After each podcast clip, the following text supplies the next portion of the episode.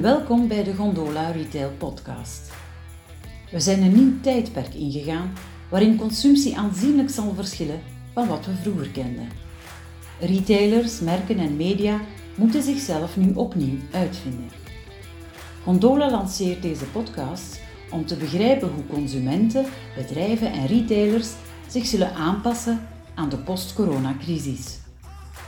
De leiders en opinieleiders van morgen zullen je inspireren in zaken als e-commerce, consumentenvertrouwen, strategie, marketing, maar ook de nieuwe waarden van onze samenleving.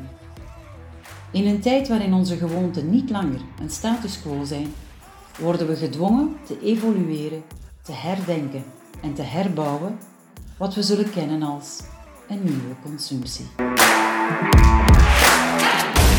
We hebben vandaag de eer om Erik Veren aan het woord te houden. En dat is met één bepaalde reden, is omdat Rick iemand is die lang in de tijd vooruit kan kijken, meestal op tien jaar. En die horizon van tien jaar wordt nu opeens heel kort, omdat die verandering op ons heel snel afkomt. Die verandering is eigenlijk nu. Rick is iemand die uh, voor ons een heel sterke visie kan delen op retail, consumer goods en mass media als ook het gedeelte media. En daar wil ik uh, onze partner de VAR voor bedanken vandaag, want deze webinars gaan door hen worden gefaciliteerd um, en, en, worden gecommuniceerd op een iets bredere schaal. En ik wens natuurlijk ook de andere partners te bedanken. Dat zijn onze reguliere partners. Uh, die zijn er vandaag natuurlijk niet fysisch bij, maar jullie kunnen ze hier zien. Uh, Bipos, Heiko, Oki, Innerred, Feeling Concept, Salesforce, Actito, Kinepolis, Etager, Daily France, Coca-Cola, Rombouts, Gerard Bertrand, Kiwer en Vasco. Dat zijn ze. Hartelijk bedankt aan de partners om dit ook te faciliteren. Klein woordje over Rick, voor diegenen die hem niet, zouden kennen. Toevallig, uh, Rick is een absolute visionair. Wat ik zo uitzonderlijk vind aan Rick, is dat hij ook in de business heeft gestaan. En hij kan heel goed de visie linken aan business. Wat moeten we nu concreet gaan doen om heel die visie, die toekomstvisie, te gaan realiseren. Want daar gaat het in fine over. Dus zijn presentaties zijn zowel inspirerend, maar hebben toch ook wel een praktisch kantje. Uh, ik denk dat dat redelijk uitzonderlijk is. Vandaar zijn bijdrage vandaag. Rick, bedankt om hierbij te zijn en ik geef jou nu het woord. Ja, uh, ik, heb, ik hoef mezelf niet meer te introduceren, want dat is al gebeurd. Um, ik heb uh, inderdaad een, uh, een lange uh, carrière in, achter de rug in de maakindustrie. Ik geef op het moment ook les bij London Business School. Ben verbonden en ben een van de oprichters van Nextworks. En met Nextworks reizen we de wereld rond om bedrijven te inspireren om zich klaar te stomen over, of klaar te stomen voor de dag na morgen. En de day after tomorrow was, zoals Alexander al heel mooi zei, was vroeger 10 tot 15 jaar vooruitkijken in de tijd. En ineens is dat niet meer het geval. Um, sta alsjeblieft vrij om mij in de toekomst te volgen. Um, dit is mijn, uh, mijn, mijn lijfspreuk. Um, volg je dromen niet, jaag ze na, maar het staat je vrij om mij te volgen. ik wil vandaag een aantal vragen beantwoorden. En de eerste vraag die ik wil beantwoorden voor jullie is de vraag waar denk ik jullie allemaal mee bezig zitten. Gaan we nog leven in dat post-corona-tijdperk? Nou, ik denk het wel. De tweede vraag is, als we nog leven, hoe gaan we er dan voor zorgen dat we in die nieuwe wereld, want ik denk dat we het er met z'n allen over eens zijn dat we op dat moment in een nieuwe wereld zullen zitten, hoe gaan we dan nog relevant zijn voor die omgeving en voor onze klanten? En de derde, en misschien de allerbelangrijkste vraag, is, wat kunnen we vandaag al doen om morgen klaar te zijn? Um, en in tegenstelling tot wat ik normaal doe in een keynote, waar ik geen inhoudstafel heb, wil ik willen jullie wel even doorheen de inhoudstafel leiden die ik vandaag ga hanteren. Ik ga het eerst hebben over hoe was die wereld nu ook weer voor corona. Twee, wat is er nu aan het gebeuren? Drie, oké, we weten dat nu wel. Wat nu? Vier, hoe gaat dat leven na corona en hoe gaat de maatschappij na corona eruit zien? Vijf, wat kunnen we dus vandaag doen Zes, hoe kunnen we dat nu, datgene wat we nu bedenken, verspreiden doorheen onze organisatie? Hoe kunnen we aan innovatie doen in onze organisatie? hey, innovatie is een virus. Wat kunnen we leren over dat virus om dat toe te passen op onze organisatie? En tenslotte wil ik jullie heel kort een voorbeeld geven van hoe je intern in jullie organisatie een workshop zou kunnen organiseren.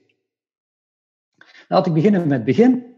Hoe was het voor corona? Nou, voor corona was ik bezig om bedrijven te vertellen: hey, bedrijven, manager, je moet klaar zijn voor the day after tomorrow.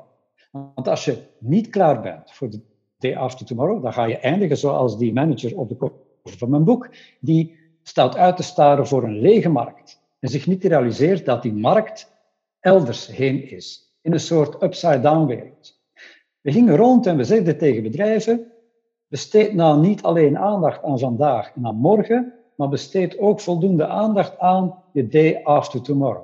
Op zijn minst 10% van de tijd. Nou, onderschat niet wat dat betekent, hè? 10% van de tijd. 10% van je tijd, 10% van je aandacht, 10% van je budget en 10% van je, talent, eh, van je talent in je organisatie besteden aan de dag na morgen. En bedrijven zeggen ons, ja, we weten dat we dat gaan doen, maar we weten met z'n allen dat in de realiteit dat heel zelden gebeurt. Dat in de realiteit er heel zelden een halve dag per week door iedereen besteed wordt aan die dag na morgen, dat er 10% van het budget besteed wordt aan die dag na morgen. En die dag na morgen, die day after tomorrow, dat is niet even binnen vijf jaar, dat is kijken hoe kunnen we klaar zijn als bedrijf tegen 2030. Meestal was het, nou, we gaan het wel een keer later doen. We besteden nu onze tijd aan vandaag en aan morgen. En jullie kennen allemaal deze slide. Meestal zeggen wij daarbij van, verdrink niet in the shit of yesterday. Te veel bedrijven hebben te weinig aandacht voor hun overmorgen, omdat ze verdrinken in al datgene wat ze meeslepen uit het verleden. En meteen komen hier de eerste polls. En de eerste poll is deze. Als je even terugblikt naar je periode net voor corona, en je bent eerlijk met jezelf, hoeveel tijd besteed je dan aan je day after tomorrow? Hoeveel tijd en budget en attentie en talent besteed je in het verleden om na te denken over wat is mijn bedrijf in 2030? Was dat meer dan 10%? Was dat die 10%? Of was dat minder dan 10%? Ja, niet abnormaal hoor. Ik heb zelf bedrijven geleid en in alle eerlijkheid, ik hoorde ook tot die categorie die wel dacht dat ik er 10% aan besteedde of zou moeten besteden, dat ook zelden of nooit gedaan heeft. Um, en de volgende vraag is deze. Um, als je gaat nadenken over je legacy, als je gaat nadenken over al de verouderde systemen die je meesleurt, voelt dat of voelde dat in het verleden? Hoe, hoe zwaar voelde dat aan? Heel zwaar, zwaar, wow, redelijk om te dragen, licht of zeer licht om te dragen. Hoe zwaar was jullie shit of yesterday? Dat is de volgende. Dan ben ik erg benieuwd. Kan je aangeven, bij mij, een productiebedrijf leidende, um, kan je aangeven dat als je in een productiebedrijf uh, werkt en een productiebedrijf moet leiden, dat mijn shit of yesterday behoorlijk zwaar was. Erg benieuwd. Heavy. Ja, wat ik al dacht. Um, dus als ik even jullie in beeld breng, dan is het, nou, wij wilden wel 10% besteden aan de day after tomorrow, maar eigenlijk waren we het gros van de tijd daar minder mee bezig. We hadden nog, wat, uh, nog wel wat ballast uit het verleden mee te slepen. Vind ik niks abnormaals, is gewoon de situatie zoals dat op dit ogenblik was. Waar alle bedrijven op een bepaald moment mee te maken hadden, was wat ik heel graag omschrijf als het strandstoelmodel. Waar we met z'n allen mee bezig waren, was met ons businessmodel. En dat businessmodel zo goed mogelijk neerzetten. Net zoals deze mensen die strandstoelen verhuren op dit overvolle strand in Rimini. Uh, die elke ochtend wakker worden, proberen een klein beetje marktaandeel te stelen van hun buurman of buurvrouw en dan voor de rest van de dag bezig zijn met nadenken over het verbeteren van een businessmodel kleinere stoeltjes, ze dichter bij elkaar zetten, ze in China kopen, daar zijn ze goedkoper, ze mooie kleurtjes geven, een mooie marketingcampagne doen om meer klanten aan te trekken. Heel erg mee bezig. En waar wij hen voor waarschuwden, was altijd van let op, als je daar zo hard mee bezig bent, constant, dan merk je niet dat er iets raar aan de hand is als een tsunami op je strand afstort. Want er komt een digitale tsunami aan. En het eerste wat gebeurt als een tsunami op je strand afstormt, is je strand wordt groter. En je bent zo bezig met je dagelijkse bezigheden dat je niet eens merkt dat dat iets vreemd is. En je gaat strandstoelen bijzetten. En je gaat niet zien dat er iets vreemds aan de hand is. En dan sta je nog op het strand op het ogenblik dat er een tsunami op je strand afstormt en je bent te laat op dat moment. Daar waarschuwden we bedrijven voor. Alleen dachten we dat die tsunami iets was wat zich langzaam opbouwde en wat tien jaar ging duren. En we zeggen tegen bedrijven, en ik blijf dat nog altijd zeer valabel vinden, en dat mag je nooit opgeven, heb een soort uitkijkpost op je strand. Wijs een aantal mensen aan binnen je organisatie of buiten je organisatie om samen met jou je Baywatch te zijn. En dan te kijken, wat gebeurt er daar aan de verre horizon? Wat gebeurt er niet vandaag, niet morgen, maar verder dan vijf tot tien jaar van nu? En af en toe zie je iets verschijnen en dan denk je, oh, oké, dit was vals alarm. Oef, het gaat niet gebeuren. Af en toe merk je iets waarvan je denkt, oef, dit komt sneller op ons af dan we ooit gedacht hebben. En we moeten nu als organisatie snelheid beginnen maken of we gaan het missen. Waar je nooit wilde voorstaan was dit. Red alarm. Oeh, we hebben het niet zien komen en het is er ineens en het is zo overweldigend groot dat we te laat zijn om te reageren. Dat wilde je niet tegenkomen. Dus ging je op zoek naar wat zijn de onderliggende oorzaken, zodanig dat je zo goed mogelijk wist hoe je moest anticiperen. En wat wij je vertelden voor corona was het volgende.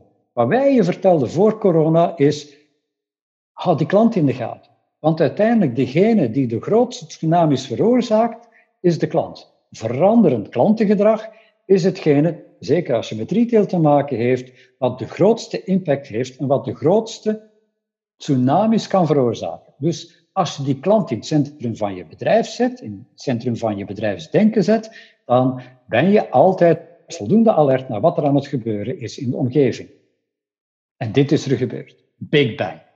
Al mijn voorspellingen over je moet tien jaar vooruitkijken, je moet vijftien jaar vooruitkijken. En let op, dit gaat snel op je afkomen. Ineens Big Bang. Zwarte Zwaan.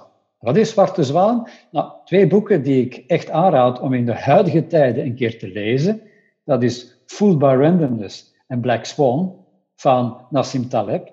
Twee boeken die gaan over onverwachte, alles over halende gebeurtenissen die we niet zien komen hebben en hoe daarmee om te gaan. Niet goed te voorspellen, want je kan ze niet voorspellen, want anders zou het geen zwarte zwanen zijn. En onze zwarte zwaan, die heeft een naam. En die naam is COVID-19, also known as corona. Dat is onze zwarte zwaan. Dat is die zwarte zwaan, dat is die gebeurtenis die we niet zien komen hebben, die eigenlijk, lijkt het, al mijn theorie die ik nu verteld heb, van vooruitkijken, in één klap overhoop haalt, want het is niet 10, 15 jaar, het gebeurt nu. En dan is het, oké, we zitten nu in de coronadagen. Um, en ik ben ervan overtuigd dat dit gebeurt. Jullie allemaal, wij als Nextworks en ik als keynote spreker, op een bepaald moment vraag je je af van, hoe ga ik dit wel overleven? En dat is meteen ook mijn volgende vraag, want ik ben nu erg benieuwd. Ik heb al meteen gezegd, ik heb me die vraag gesteld. Ga ik dit wel overleven? Want ik leef van de podia. Ik leef van plekken waar veel mensen bij elkaar komen. En als dit lang duurt, dan stel ik me de vraag van, komt dat wel nog terug? Dus de vraag aan jullie is, hebben jullie je eigen de vraag gesteld van, hoe erg ben je nu bezig met, ga ik dit wel overleven? Ben je er erg mee bezig? Ben je er veel mee bezig? Ben je er niet zoveel mee bezig? Of ben je er helemaal niet mee bezig? Stel je die vraag, ja of nee?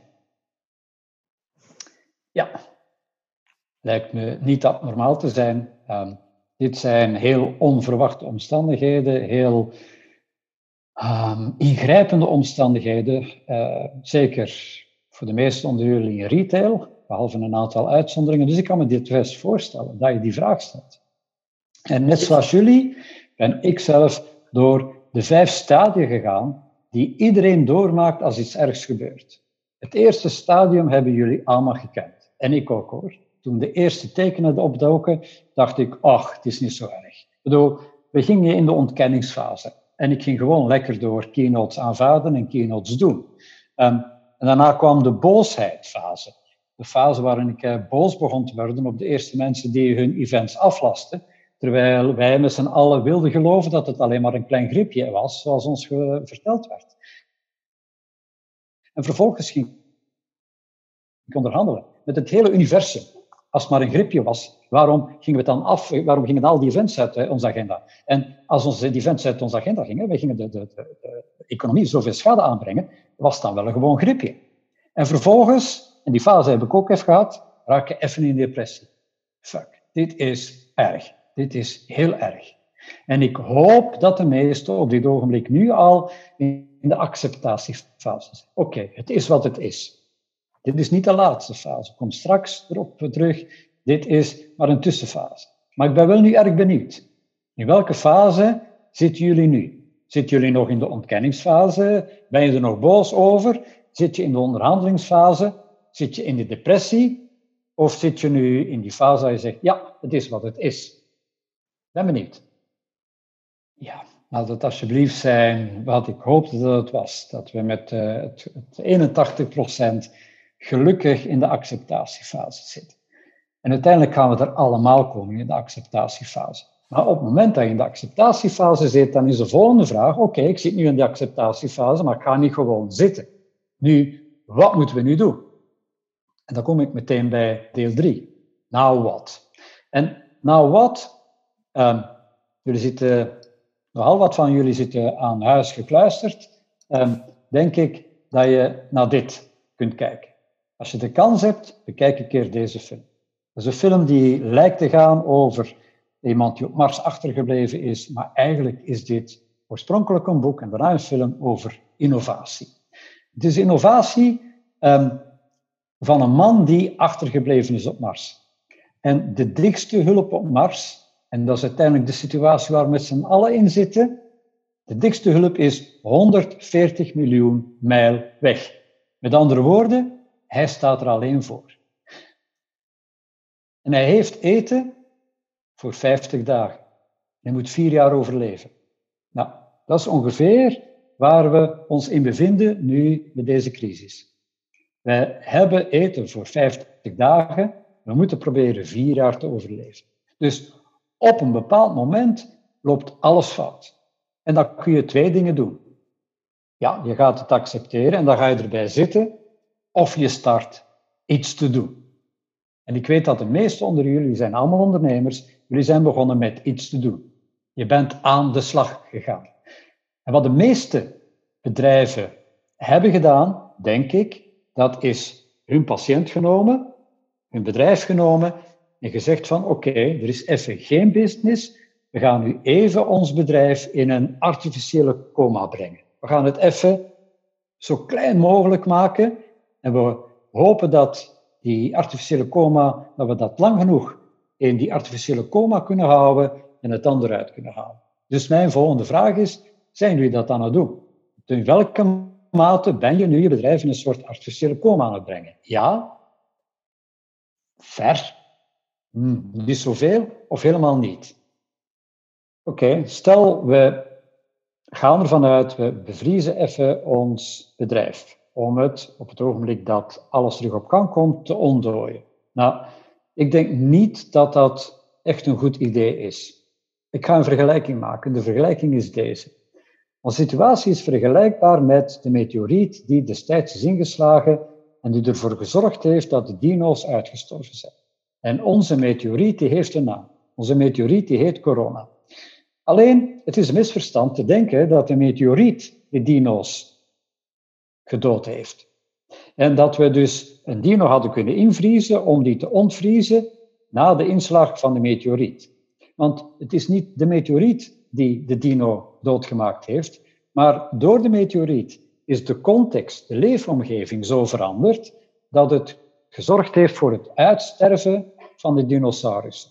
Dus de dino's zijn niet gestorven door de meteoriet. Meteoriet heeft ervoor gezorgd dat de omgeving danig is veranderd, zodat de dino's uitgestorven zijn. Dus als wij een dino gewoon hadden ingevroren en die dan op een bepaald moment hadden ontvroren, om die in die veranderde omgeving neer te zetten, dan was hij toch uitgestorven. Dus gewoon je bedrijf invriezen in de hoop dat je het kunt ontvriezen op het ogenblik dat de corona voorbij is, denk ik, is niet een goed idee.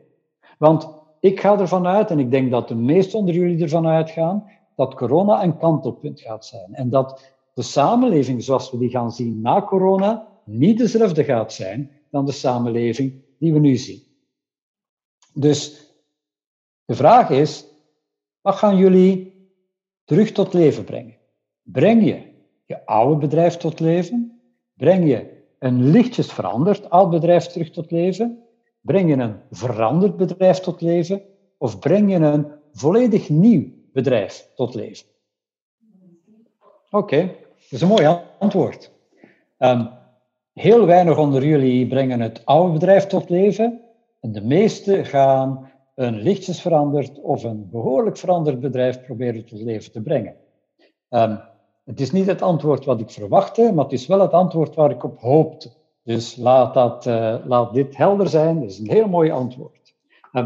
Ik ga ervan uit dat dit het moment is om echt afscheid te nemen van je shit of yesterday. Je hoeft je een keer niet te veel bezighouden met today, maar je kan het verplaatsen en je kan nu echt een keer bezig zijn met datgene wat vroeger niet makkelijk was. En wat was vroeger niet makkelijk? Wat vroeger niet makkelijk was, was altijd dit. Hey Rick, we weten dat we ons vliegtuig moeten verbouwen, alleen begin er een keer aan, man. Een vliegtuig verbouwen terwijl het in de lucht is. Is makkelijk gezegd, moeilijk gedaan. En in alle eerlijkheid, ik heb dat als bedrijfsleider voldoende zelf ondervonden. Hoe moeilijk het is. En we hebben nu dat voordeel. Letterlijk, alle vliegtuigen staan aan de grond en letterlijk, de meeste van jullie bedrijven staan min of meer aan de grond. Dus dit is de ideale moment om je bedrijf te durven verbouwen. Een ander argument wat ik vaak hoorde was: hé hey man, maar mijn oude businessmodel, waarom zou ik dat overhoop halen? Want ik verdien er nog geld mee. En het nieuwe businessmodel ontwikkelen, dat kost handenvol geld. En ik weet niet eens of dat nieuwe businessmodel überhaupt geld gaat opbrengen. Waar is de return on investment van een nieuw businessmodel waarvan ik nog niet eens weet of het gaat werken? Misschien ben ik wel te vroeg. En als ik te vroeg ben, dan sta ik daar met mijn nieuwe businessmodel in een markt die er nog niet is, waar ik heel veel geld in heb ingestoken. En ik heb mijn oude bedrijf opgeofferd om dit te doen. hey, bedankt. Het, is niet, het was, was niet evident als bedrijfsleider om je bedrijf te verbouwen terwijl je oude nog werkte. Om het strandstoelmodel op te geven en iets anders te gaan doen als je de tsunami nog niet dichtbij zag. En daarom gebruikte ik graag dit beeld. Het beeld van de twilight zone, de tussenzone de zone tussen het oude normaal en het nieuwe normaal. Waarbij het oude normaal, de businessmodellen zoals jullie die kenden, nog niet dood waren en je er nog geld mee verdiende en je misschien wel nieuwe potentiële businessmodellen daar ergens aan de horizon zag, maar die waren er nog niet. En we wisten nog niet welk businessmodel uiteindelijk ging winnen. En ik noem dat graag de twilight zone, de tussenzone, de schemerzone, de schemer tussen licht en donker. En wij dachten heel lang dat dit tien jaar ging duren. Dus ik dacht, weet je, we zijn 2020, we gaan nu de Twilight Twenties binnen. We hebben tien jaar de tijd om door die zone te reizen en dan uit te komen aan de andere zijde van die zone in het nieuwe normaal. En tien jaar, beste mensen, dat is niet lang. Tien jaar, dat betekent dat je hard moet werken om binnen tien jaar klaar te zijn. Alleen, ik was, ik was mis. Het gaat geen tien jaar duren. Het duurt net zo lang als de coronacrisis gaat duren. En dat lijkt nu heel lang, omdat je ervoor staat. En eens die voorbij is, hoop ik, ga je niet denken, oh, ik heb die tijd niet nuttig genoeg besteed. Ik had meer kunnen doen in die tijd. Ik had veel beter mijn vliegtuig kunnen verbouwen. Want dit is het voordeel wat je nu hebt. Je kan de shit of yesterday opzij leggen. Je hoeft maar 1% van de tijd met vandaag bezig zijn. Je kan nu echt 99% met morgen bezig zijn. En het voordeel is, morgen is meteen ook je overmorgen. En dat is het grote voordeel wat je nu hebt. Je hebt niks te verliezen. Met andere woorden, je hebt alles te winnen. En in plaats van in een depressie te komen of puur in de acceptatie te komen, moet je eigenlijk zeggen: goed, dat is goed. Eindelijk heb ik de tijd. Eindelijk kan ik een keer mijn bedrijf bijna een wit blad papier nemen en gaan uittekenen. Als ik het nu niet doe, dan ga ik wellicht in mijn hele leven nooit meer deze kans krijgen. En ik ben ervan overtuigd dat het zo is. Alleen, de one million dollar of de one billion dollar question is deze. Hoe gaat die wereld eruit zien aan de andere zijde van corona?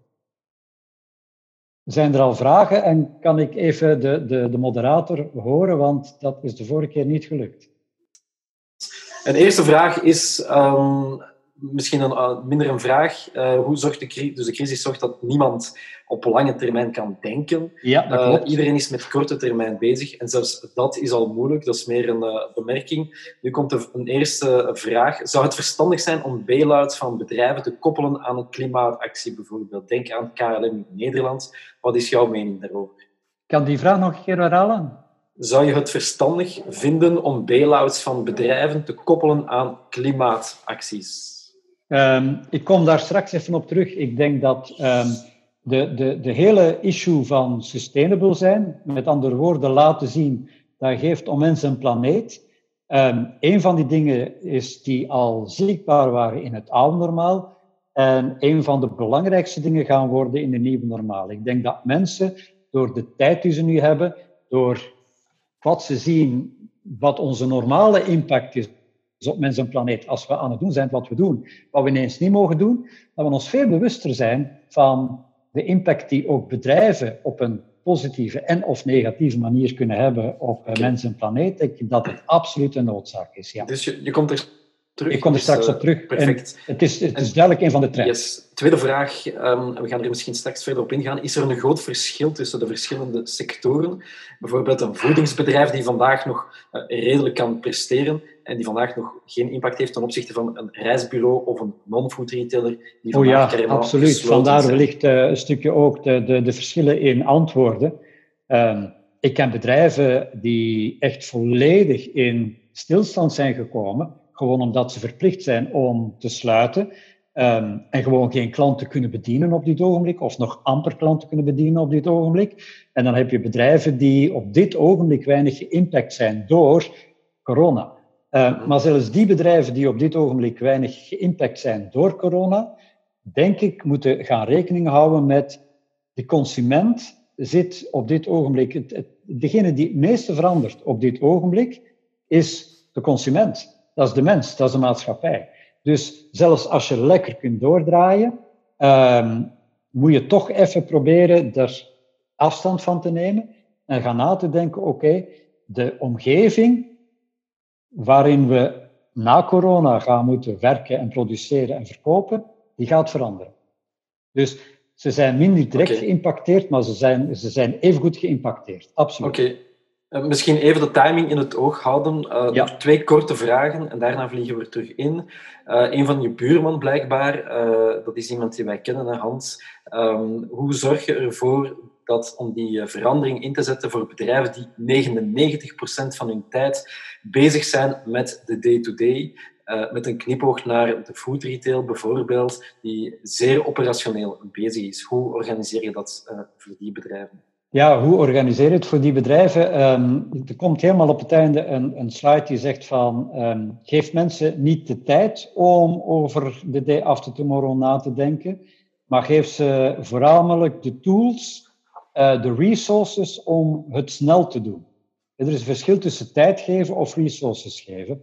Het is echt resources vrijmaken, opdat mensen met je day after tomorrow zouden kunnen bezig zijn. En ja, dat is even tijd en resources stelen uit je 99% waar je met vandaag bezig bent.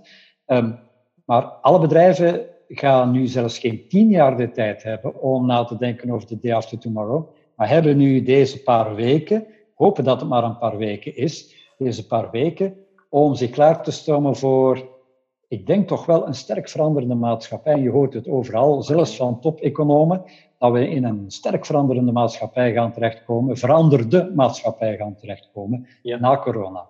Erik, misschien uh, straks ook hoe je uh, dat verkocht krijgt aan je board of aan je management als je 90, 99% bezig bent met de ja. day-to-day. Hoe krijg je dat verkocht om daar toch resources of tijd voor vrij te maken? Ik ga even naar een uh, volgende vraag dat ik nog straks nemen.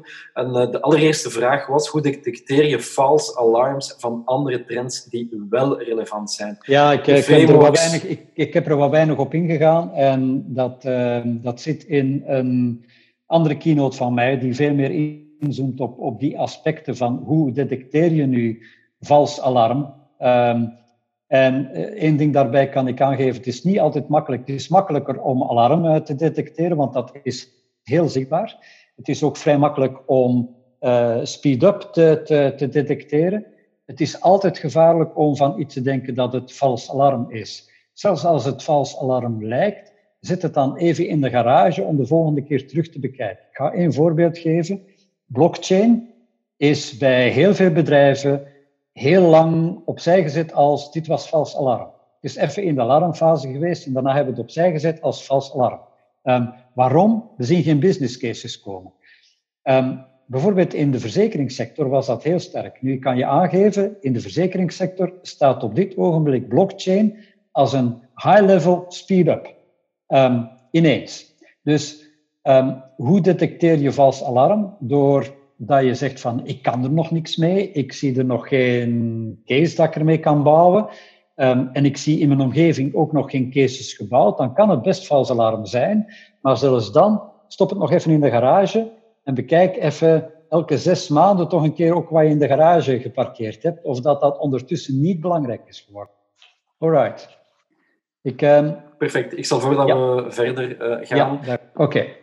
Um, nu, om na te gaan, hoe ziet, gaat die maatschappij eruit zien na corona? Want voor mij is dat de allerbelangrijkste vraag. Hè? Hoe gaat die er nu uitzien na corona? Want Rick, je kan wel zeggen, en heel veel economen zeggen op dit ogenblik, we, we gaan in een andere maatschappij zitten, maar hoe gaat die eruit zien? Nu, het gaat heel kort zijn. Dus met andere woorden, er gaan nieuwe, geen nieuwe dingen bedacht worden. De dingen die we gaan zien in die nieuwe maatschappij, die moeten al aanwezig geweest zijn in de oude. Net zoals die ratjes er al, er al waren voordat de meteoriet insloeg. Die zijn er niet gekomen na de inslag van de meteoriet. Die zijn, er, die, die zijn sterker geworden, die zijn met meer gekomen, die hebben overleefd. Maar die waren er al voor de inslag van de meteoriet. En dat geldt eigenlijk ook voor corona. Alle aspecten waren al aanwezig. En als we toch even over in, in die gedachtegang aan het denken zijn, dan moeten we kijken van oké, ehm, we moeten dus geen dino meer zijn. We moeten meer gaan denken zoals die ratjes. Want waarom overleefde die deze um, gigantische kaalslag van de aarde? En we krijgen nu ook een kaalslag. Dus wat moet je zijn om te overleven in zo'n kaalslag? En het is, het, is een, het is een oude, maar het is meer geldig dan ooit. Think big, start small en move fast. En dan denk je eigenlijk als een rat. Uh, je, je, je wil de wereld veroveren, je begint met kleine dingetjes, maar je bent snel. Think big, start small um, en experiment. Um, iets wat dat soort diertjes veel doen, dat is één, ze brengen heel veel nakomelingen met zich mee, na. Um, ze hebben heel korte cycli. Eigenlijk zijn dat experimenten. Ze experimenteren, experimenteren, experimenteren en blijven experimenteren. En dat is ook wat je gaat moeten doen als we eruit komen. Dat is dingetjes proberen, klein en snel, en nooit denken dat je er bent. Um, dat is een allerbelangrijke. En dan blijf ik erbij, Um, en voor mij is het een van, van, was het sleutel voor de corona en is het nu ook de sleutel, um, nieuwsgierig zijn. Niet uitgaan van assumpties. Uitgaan van, ik denk dat ik weet hoe het in elkaar zit. Het zou hetzelfde zijn dan ervoor. Of ik weet precies hoe het gaat zijn. Dat is wat je gaat doodmaken. Niet denken dat je het weet. Ik weet het niet. Niemand weet het. We gaan het moeten ondervinden. Dus uitgaan van assumpties niet doen. Assumpties zijn altijd al gevaarlijk geweest en zijn gevaarlijker dan ooit. De assumpties, mensen gaan nooit een iPhone kopen, mensen gaan nooit schoenen online kopen, mensen gaan nooit uh, uh, meubels online kopen, mensen gaan nooit een auto online kopen, mensen gaan nooit online bankieren. Ik bedoel, we hebben ze allemaal gehoord en op een bepaald moment leken ze allemaal valabel, ze zijn allemaal achterhaald. En dat gaat in de nieuwe wereld des te meer zijn. Dus blijven nieuwsgierig zijn. En ja, ik toon dit graag. Hè? En ik zeg altijd, dit is hoe vrouwen shoppen. En het andere is hoe mannen shoppen. Maar eigenlijk is dat eerste, als je, stel dat je ratje zou loslaten in zo'n winkel, dan doet hij net hetzelfde. Die gaat heel die winkel verkennen. En ik denk dat we als bedrijf dit echt gaan moeten doen in de toekomst. Dat is die curious minds in je bedrijf hebben, die, die nieuwsgierige geesten, die nieuwsgierigaards, die alles verkennen. En die constant de omgeving scannen op zoek naar de next big opportunity, en de next big threat. Wat is nu de grootste bedreiging in de toekomst en wat is de grootste mogelijkheid in de toekomst? En dus veel minder die gefocuste geesten hebben en veel meer die nieuwsgierige geesten hebben. Want we weten het niet. Je kan dus moeilijk een doelstelling ergens zetten. Je moet vooral verkennen en je doelstelling constant aanpassen. En daarom, nog eens een pleidooi binnen je organisaties, probeer na te denken over deze nieuwe KPI, die belangrijker gaat zijn dan ooit tevoren. De KPI, de Net Curiosity Score. Hoe kunnen we als bedrijf ervoor zorgen dat we in de mate van het mogelijke lekker nieuwsgierig zijn? Dat wij als organisatie nieuwsgierig zijn en dat we onze mensen toelaten om nieuwsgierig te zijn. En de nieuwsgierigheid te delen in de organisatie en onze organisatie af te stemmen op waar ze mee aankomen. Oké, nu, hoe gaat dat landschap er nu uitzien? Nu, ik heb er net een tweet gedaan, ik heb hem hier op, eh, op het scherm gezet. Ik heb de tweet gedaan dat de meest correcte voorspelling over het post-corona landschap gaat zijn de naam post-corona landschap. En dat al het andere veel minder correct gaat zijn. Met andere woorden, het is heel moeilijk om nu precies te voorspellen hoe gaat dat post-corona landschap eruit zien. Behalve dat we weten dat we het post-corona gaan doen. En, maar dan ga ik toch terug graag naar die Baywatch. Dan ga ik terug naar de deep dive die we deden om te weten, oké, welke nieuwe golven zitten op ons te komen en welke golven zijn nu belangrijk en welke golven zijn nu vals alarm. Je ging niet naar de golven zelf kijken, maar je ging kijken naar de onderliggende krachten achter die golven. En hoe krachtig die krachten waren, hoeveel die samenkwamen om bepaalde golven te veroorzaken. En, en één daarvan, het belangrijkste denk ik, is de klant, de customer. En hoe die customer eruit zag voor corona, zo gaat die versterkt achter corona eruit komen. En de, ik gebruik hier graag het woord customer, de afkorting customer. De C staat voor connected. We zijn meer connected dan ooit tevoren. De digitale connecties tussen mensen zijn op dit ogenblik bijna de enige connecties. Dus die C van connected, die wordt versterkt. De U staat voor urban. We leven in een urbane omgeving. We leven geurbaniseerd. We zijn ons daar ongelooflijk bewust van. Maar tegelijkertijd gaat buiten kijken, herontdekken we ineens onze steden. En herontdekken we hoe steden zouden kunnen functioneren. En we gaan niet meer teruggaan naar hoe steden functioneerden voor corona. We gaan een stuk van de rust die we nu vinden in de post-corona absoluut terug. De S staat voor self-centered. We worden allemaal op onszelf teruggeworpen, dus we gaan op een of andere manier um, dat blijven vasthouden, dat self-centered. Tribal, D staat voor tribal. Hoe kunnen we ervoor zorgen dat we meer en meer als bedrijf ons realiseren dat we tribal zijn, dat mensen tribaal als stammen gaan werken. Um, we hebben met z'n allen gezien dat we met z'n allen zaten te wachten op onze regering, dat onze regering ons in lockdown ging brengen voor we wisten dat de regering dat ging doen. Met andere woorden, we organiseren onszelf. De O staat voor on demand. We willen alles hier en nu. We, hebben dat nog steeds meer. De M staat voor mindful. Af en toe is onze geest, en nu ook met alle digitale tools, de digitale werkplek, ja, maar tegelijkertijd zit onze geest af en toe zo vol van al dat digitale dat we mindfulness willen. Dat we terug willen naar dat lekkere, normale. En ik ga je de vraag niet stellen, maar wij willen met z'n allen terug gewoon dicht bij mensen zijn, nu dat we het niet kunnen. Wij missen het meer dan ooit. De E staat voor ethisch. En dan hebben we het er al over gehad. Dat ethische staat voor, je moet als bedrijf tonen dat je staat voor mens en planeet. En de R tenslotte staat voor radicaal. Je klant wordt radicaler dan ooit tevoren. Je klant, als jij niet doet wat je klant precies van jou verwacht, dan word je door die klant afgemaakt binnen de kortste keren. Dus customer, die customer gaat er versterkt uitkomen uit deze coronacrisis. Connected, urban, self-centered, tribal, on-demand, mindful, ethisch en radicaal. Maar ik maak tegelijkertijd als bedrijf de bedenking, hoe kan ik nu daar maximaal gebruik van maken? Hoe kan ik nu maximaal gebruik maken van die nieuwe klant? En dan kun je dit. Je klanten die kunnen meer dan ooit je sales en marketing worden. Als je gebruik maakt van die geconnecteerde tribale stammenklant, dan wordt die je sales en marketing afdeling. We hebben dat al gezien in het oude normaal. Wij hebben bedrijven Tesla bijvoorbeeld, die erin slaagt om met zero klassiek marketingbudget de hele wereld te veroveren, omdat ze maximaal gebruik maken van de sterkste marketingmachine ooit. Wij met z'n allen. En je hebt ook meer en meer bedrijven die klanten inzetten als hun workforce. Wie zorgt voor de sterren? Wie zorgt ervoor dat bedrijven geloofd worden of niet? Niet wat bedrijven vertellen, want dat geloven we niet meer, maar wel wat anderen over het bedrijf vertellen. Dus je klanten kun je inzetten als sales- marketingafdeling, maar tegelijkertijd ook als infrastructuur. Dat kon je al in het oude normaal, dat gaat des te sterker nog zijn in het nieuwe normaal, gewoon omdat de klanten nu allemaal teruggeworpen zijn op zichzelf, teruggeworpen zijn op de stammen en teruggeworpen zijn op de digitale tools en op elkaar, om elkaar te helpen, om elkaar te ondersteunen. Dat is onlosmakelijk iets wat we in de toekomst gaan zien. Net zoals de grote technologische krachten die er al aan het aankomen waren. Big data, artificiële intelligentie en robotisering.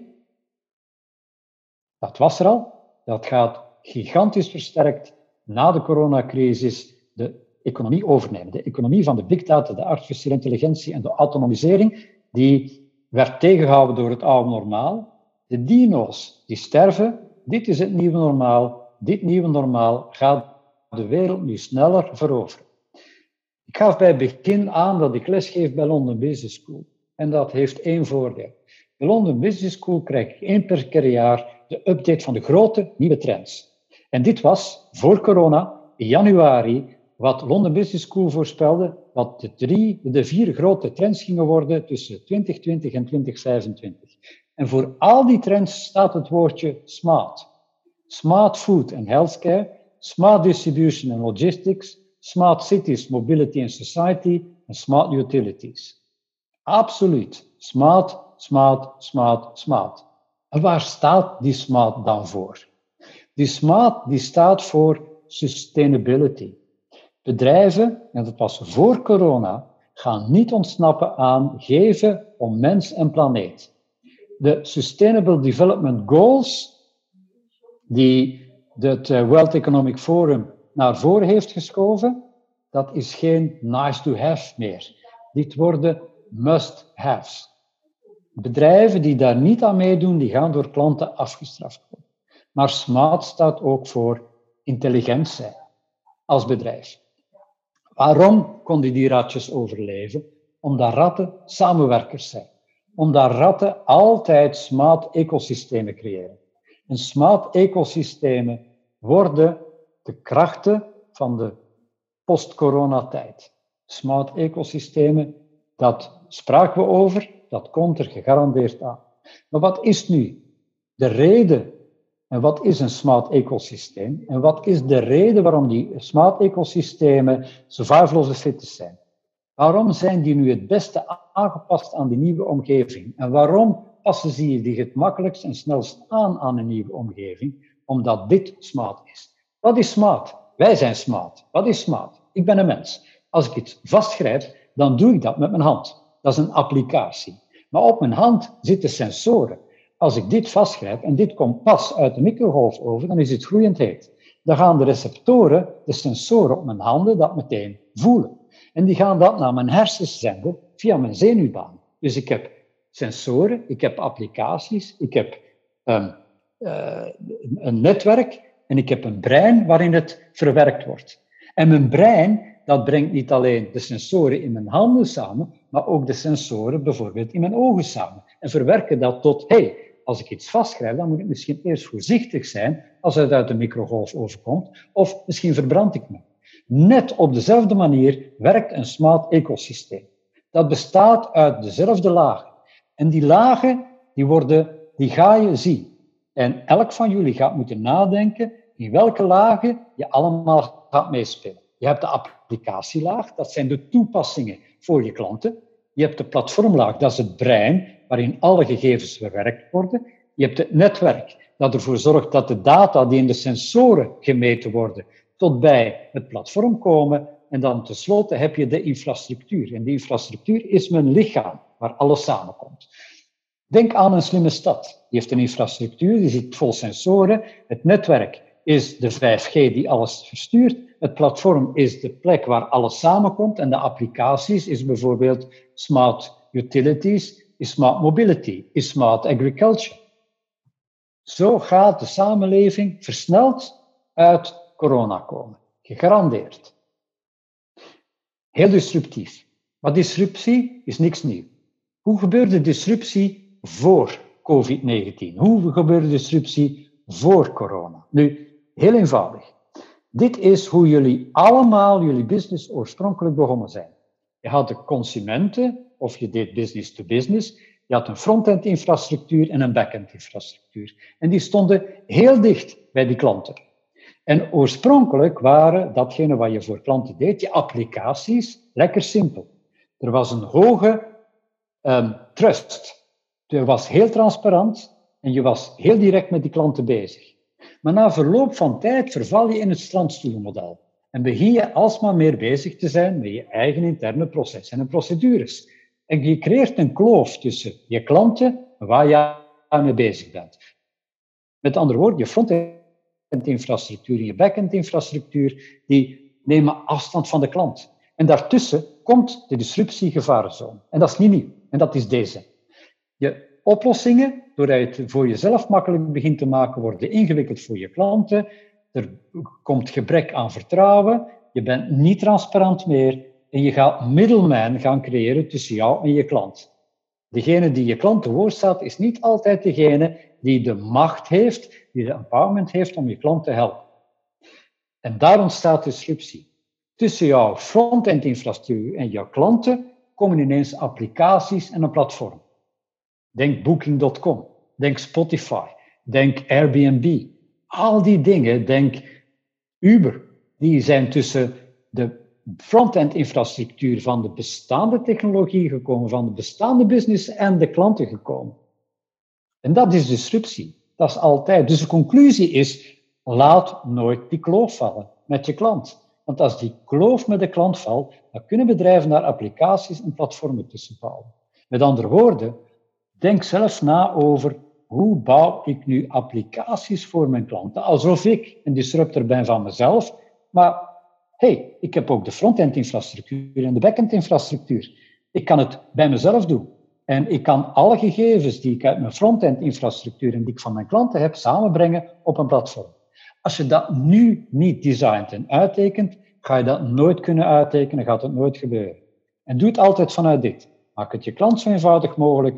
Probeer zoveel mogelijk trust te krijgen van die klant. Maak het zo transparant mogelijk en wees zo direct mogelijk bezig met je klant. Ik ga nog één poll doen en dan komen we, denk ik, naar een aantal vragen terug. De poll is deze. Dat is een heel belangrijke poll voor mij. Hoe goed kennen jullie jullie klanten? Niet, een beetje, goed, zeer goed, of de ultieme, het ultieme antwoord, beter dan ik mezelf ken. Ken je klanten beter dan jezelf? Of ken je ze gewoon zeer goed, goed, een beetje of helemaal niet? Want dit is iets waar je in de komende tijd absoluut moet op werken. Want het enige goede antwoord, dat gaat nog niet verklappen, want dat kennen jullie, dat is, je moet je klant beter dan jezelf kennen. Pierre-Alexander, heb jij vragen? Ja, Rick, er was dus ja, nog een vraag. vragen ondertussen? Ja, er is nog een interessante vraag. Post-corona, ja. zeg je, kan, kunnen we uh, niet, uh, niet, niet plannen en niet voorspellen. Denk ja. ik niet dat er veel meer digitaal gaat zijn, als ook veel meer lokaal. En terug met de link naar retail, consumer goods, merken. Uh, ja, sowieso. Um, kijk, dat heeft met die directheid ook te maken. Het, en dat tribale ja, er gaat uh, absoluut veel meer digitaal gebeuren. Dat heeft met die connected te maken. Die C van connected, dat is de digitale connectie, die gaat gegarandeerd toenemen. Um, maar tegelijkertijd, die M van mindful betekent van ja, veel digitaal, maar tegelijkertijd gaan we steeds meer nood hebben aan de echte dingen en dat zijn de menselijke dingen. Ik denk dat uh, Stefan Bellegems, When Digital Becomes Human, nooit meer waar gaat worden dan het post-corona-tijdperk. Um, dat, dat is helder. Um, en uh, wordt het meer lokaal? Ja, absoluut. En dat heeft met het, het, um, de transparantie te maken, waar we absoluut nood aan hebben. En dat heeft met de, de trust te maken, waar we absoluut nood aan hebben. En dat heeft met not too many middlemen te maken. Ehm, we, willen, we gaan het overzichtelijk willen, we gaan het helder willen.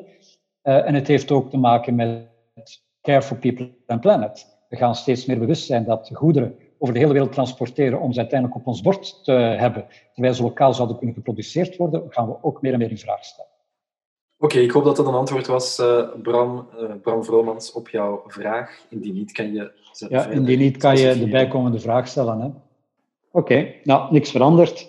Um, dit is oude economie, belangrijker dan ooit.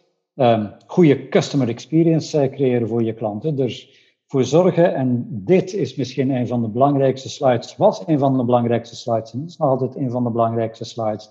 Als je wat ontwikkelt voor je klant, denk nooit in producten en services, altijd in de customer interface en maak het een feest, een feest voor je klant. Maak het fast, maak het easy, maak het accessible, maak het simpel en maak het tempting. probeer het tien keer beter te doen dan hoe je het deed. En probeer het ook tien keer beter te doen dan om het even wie in jouw branche. En zelfs buiten jouw branche. Dus als je nu de tijd hebt om na te denken over, oké, wat is mijn customer journey? Wat zijn mijn touchpoints? En hoe kan ik er nu voor zorgen dat al mijn touchpoints fast, easy, accessible, simpel en tempting zijn? Met andere woorden, welke ga ik nu verder digitaliseren, maar ook welke ga ik menselijk bedienen? Want soms zijn mensen sneller, easier en more accessible en simpeler en tempting dan digitale tools. Soms zijn digitale tools daar beter in.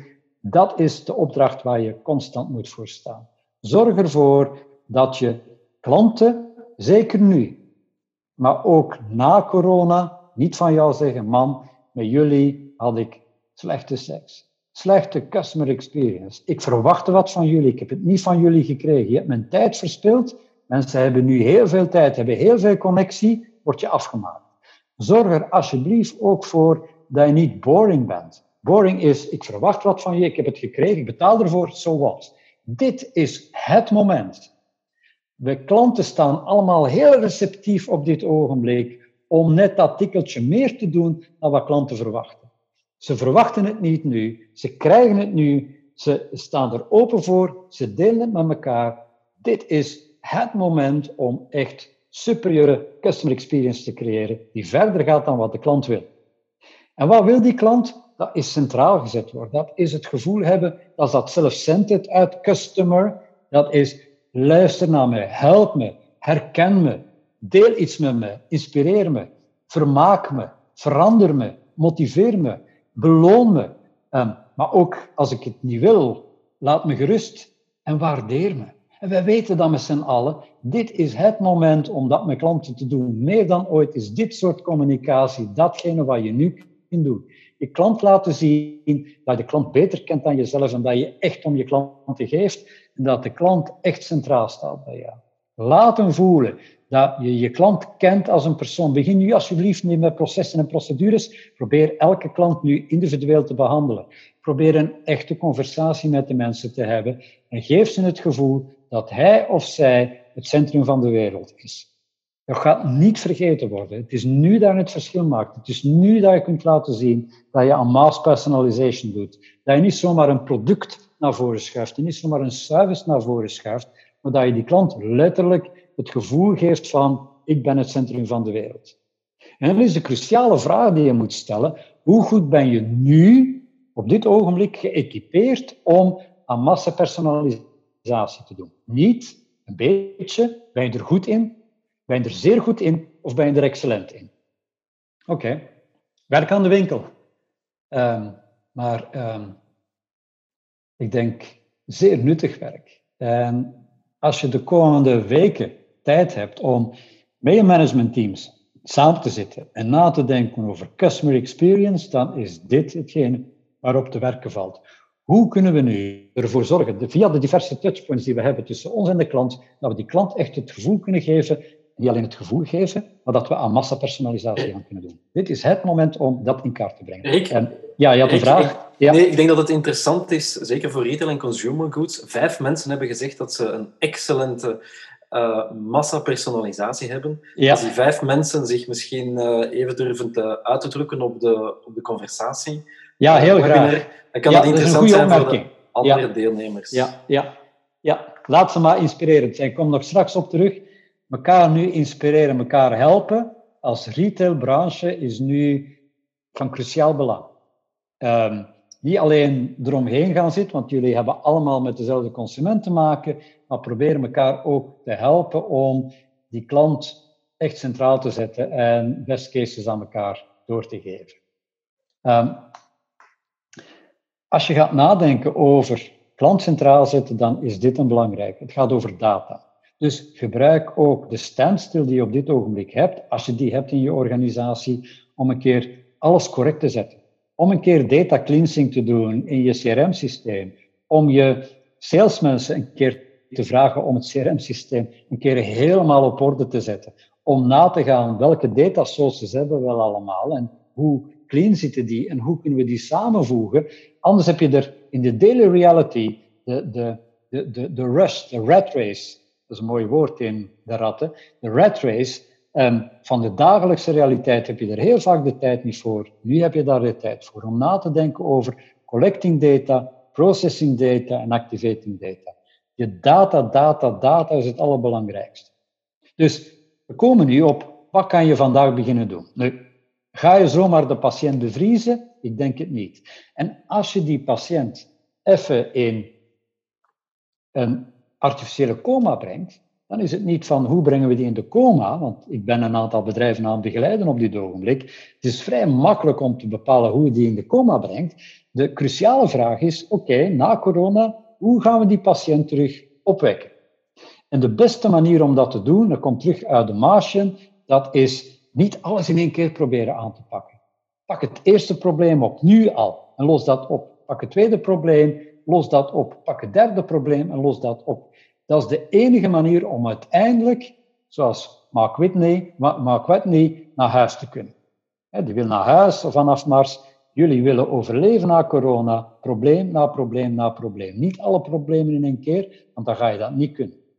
En als je iets voorgelegd krijgt, kijk dan niet naar het ding zoals het nu is, maar hoe het zou kunnen worden. Het heeft met verbeeldingskracht te maken. Denk groot. Denk niet klein. Begin klein en move fast. Begin dan, doe iets, werkt het, oké. Werkt het niet, volgende. Probleem na probleem aanpakken. En begin altijd, als je over problemen nadenkt, altijd na te denken, hoe gaat het binnenkomen bij de klant? Gaat de klant het gevoel hebben dat datgene wat we nu aan het oplossen zijn, de klant centraal zet? Want die klant, nog eens, die heeft nu alle tijd om op zichzelf teruggeworpen te worden. Die heeft nu alle tijd om te kijken welke bedrijven nu echt om hem geven of niet die gaan daar rekening mee houden. Dus maak alsjeblieft geen fast architecture. Fast architecture, dat is, je maakt een plan. Begin nu niet met uit de coronacrisis te komen en te zeggen van we maken een vijfjaarplan op en dat gaan we nu rigoureus volgen. Dat zou gevaarlijk zijn. Heb eerder een groot plan, een groot idee. Een kathedraal. We willen een kathedraal bouwen, maar begin dan te bouwen. En wees niet bang terwijl je aan het bouwen bent om je bouwtechnieken te herdenken. Net zoals we in de middeleeuwen kathedralen bouwden. Net zoals we op dit ogenblik nog de Sagrada Familia in Barcelona aan het bouwen zijn. Slow architecture. Je begint te bouwen, maar je past je bouwstijl aan terwijl je aan het bouwen bent. En wees klaar om mee in te stappen of erin te bouwen, die smart platform ecosystems. En de enige reden en de enige manier om daaraan deel te nemen, dat is data inbrengen. Als je geen data hebt, als je datacollectie, je dataverwerking in je organisatie niet op orde staat, en dit is het moment om het te doen, dan is je bedrijf niet klaar om in te stappen in welk ecosysteem ook. Want je pasmunt in een ecosysteem is data. Dus zorg ervoor dat je ook PNL's begint op te maken, waarin je niet alleen je centen telt tussen je um, toplaag, je revenue, en wat je uiteindelijk verdient, en dan heb je de buckets daartussen. Tel ook je toekomstige geld. We zeggen al jaren, data is het nieuwe goud. Data is het nieuwe goud. Maar we verslagen er maar niet in om op een dagelijkse manier het goud te tellen dat we aan het verzamelen zijn voor de toekomst. En dat gaan we echt moeten doen. Dus gebruik ook de tussentijd nu even om te kijken van hoe kan ik in mijn PNL, hoe kan ik in mijn daily rapportering, in mijn maandrapportage, in mijn weekrapportage opnemen hoeveel data hebben we verzameld. Ga ook nadenken, welk van de dingen doe ik nu door mensen en welk van de dingen ga ik door technologie laten doen? En hoe kan ik die twee laten samenwerken? We evolueren, en dat is een van de vragen daarnet, waar evolueren we naartoe? We evolueren naar een OMO-world. OMO is online mixes with offline. Offline mixes with online. De werkelijke wereld en de online wereld, wat we nu aan het doen zijn, is OMO. Ik ben een echte persoon, u bent een echte persoon, maar tussen ons staat technologie. Dus het wordt OMO. Het is niet meer zo dat we een off- en een online wereld gaan hebben, en dat we gaan nadenken over wat doen we off en wat doen we online. Die twee gaan meer en meer met elkaar mixen. Wordt het enkel een digitale werkplaats? Nee. Worden de werkplaatsen achteraf wat ze ooit geweest zijn? Ook nee. Het wordt veel meer een hybride wereld waarin die twee gaan samenwerken. En ook als we naar die smart ecosystemen gaan kijken, dan wordt een smart ecosysteem een combinatie van die twee. De applicaties tussen ons en onze klanten gaan we een stuk digitaliseren, maar de menselijke factor blijft belangrijk. Als je gaat nadenken over sensoren, wat ik daarnet beschreef, met vingers, dan zullen dat camera's zijn, dan zal dat allerlei sensoren zijn, digitale sensoren, maar vergeet niet dat je mensen ook belangrijke sensoren zijn, die belangrijke data weten te verzamelen, die de andere sensoren misschien niet weten te verzamelen. Je platformen, laten we eerlijk zijn, zullen grotendeels de data ga je alleen maar kunnen verwerken aan de hand van technologie. Maar je netwerken, dan moet je niet alleen aan netwerken denken zoals 5G, maar je mensen binnen je organisatie zijn ook netwerken.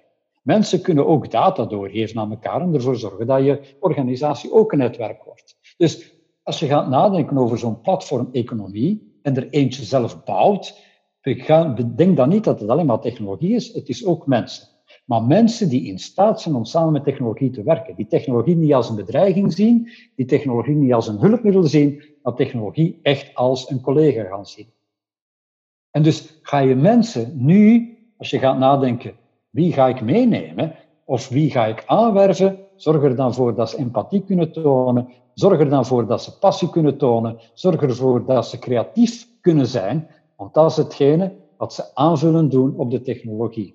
Dus probeer zoveel mogelijk naar technologie te schuiven en zet mensen in op de puur menselijke dingen. En dit is ook het moment om je values van je organisatie goed te definiëren. Je mensen aan te geven, dit is onze organisatie, daar staan we voor. Dit is value-driven behavior.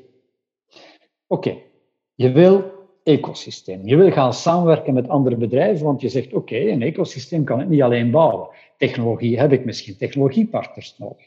Wat breng je mee als je gaat onderhandelen aan tafel? En daar heb ik een schema voor gebouwd. Een schema is, oké, aan de ene zijde, wat breng je mee? En aan de andere zijde, wat denk je te krijgen van je partner? En dat is niet alleen centen.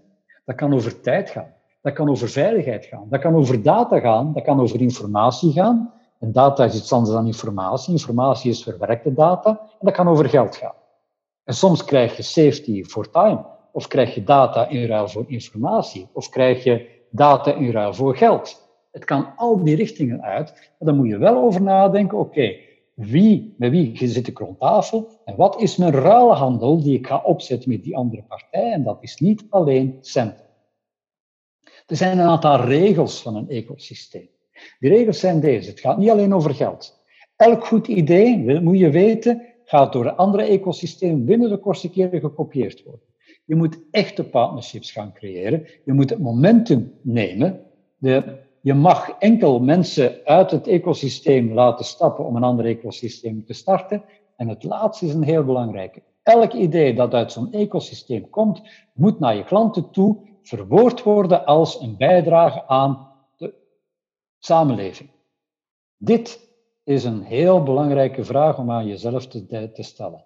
Wat zou de samenleving missen als jij er als bedrijf niet zou zijn? Als je daar een antwoord kunt op geven, dan heb je je why. Wat zou je klanten missen als jij er morgen niet zou zijn? Je bent er nu niet, wat mis je klanten? Als je daar een antwoord kunt op geven en daaruit kunt vertrekken, dan weet je precies wat je why is, wat je waarom is, waarom je er bent. Als je die niet hebt, dan heb je een probleem. En dan heb je nu het moment om daaraan te denken. En dit, en dit is een heel cruciale in deze tijd. Waarom zouden je klanten jou geloven? Waarom zouden je klanten jou geloven in wat je zegt? Niet om wat je zegt, niet om wat je doet, maar hoe jij je, je klanten laat voelen. Dat is het allerbelangrijkste. Dat betekent Je mag veel klanten hebben, maar je moet elk van die klanten het gevoel geven dat je één op één een engagement met hen aangaat. Een soort verloving en, en een goede relatie met hen aangaat. Dus connect to many, engage individuals is meer dan ooit de magische formule. Toon je hart. En dit, coronacrisis, crisismomenten, is het moment om als bedrijf je hart te tonen aan je klanten. Toon dat je eerlijk bent, toon dat je ethisch bent, toon dat je authentiek bent. Neem je verantwoordelijkheid en wees transparant. En dan kom ik terug op dat lokale, op dat kleinere, op dat dichtbij, op dat minder grote, veel dichter bij je klanten. Je hart tonen. En ik denk dat hier de lokale economie een enorm voordeel heeft op de giganten die uit de buitenlanden komen. Die gaan het hiermee veel moeilijker hebben. En dit is het moment nu dat we dit aan onze klanten kunnen tonen. Eerlijk zijn, ethisch zijn, authentiek zijn, je verantwoordelijkheid nemen en transparant zijn. En je gaat daarvoor beloond worden. Onthoud dit. Meteen wat je bedenkt, het gaat gekopieerd worden, heel snel. Want dat is ook eigen aan de ratteneconomie.